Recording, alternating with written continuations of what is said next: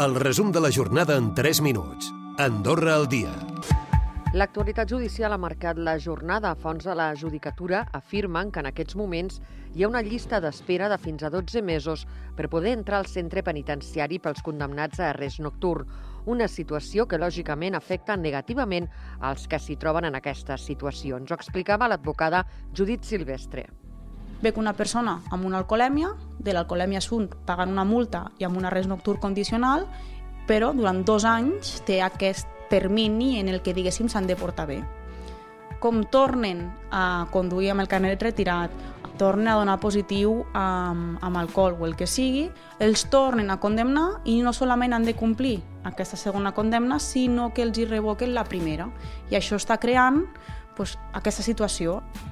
Al vespre de dimecres continuava la investigació de l'accident mortal a la Nacional 260 a la Seu d'Urgell, que ha costat la vida a un jove de 21 anys després del xoc frontal entre dos camions.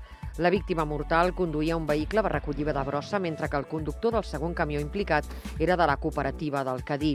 Radio Televisió d'Andorra ha pogut parlar amb una testimoni.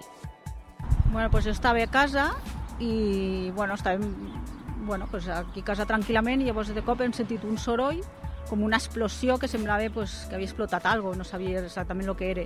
Llavors, clar, ja he sentit un soroll de, de ferros, de, de pues, un accident. Llavors, clar, ja he vist per la finestra i he vist que hi havia ja, que estava passant algo.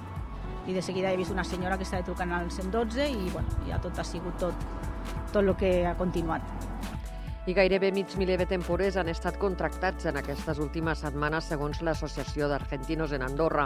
Aquest any l'arribada ha sigut més continguda i la xifren en 2.500 persones, la meitat que l'any passat.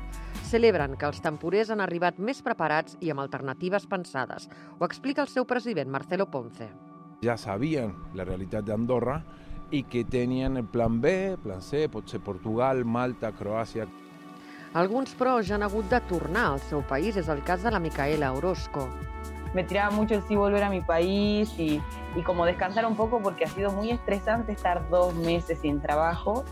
I l'associació Gossos i Laica amplien el seu contracte per mantenir la gestió de les instal·lacions tres anys més. Escoltem Elisa Cruz, vicepresidenta de Gossos incloure la nova instal·lació a dins del conjunt que canvia una mica el paradigma de lo que tenim i a part d'això revisar una mica les condicions econòmiques perquè la manera que estava fet al principi era una mica complicat amb un fixe i un variable i vam acabar fent una quantitat fixa per una ocupació eh, mitjana que volíem tenir a la gossera que eren uns 50 gossos com a màxims. No? Recupera el resum de la jornada cada dia a AndorraDifusió.d i a les plataformes de podcast.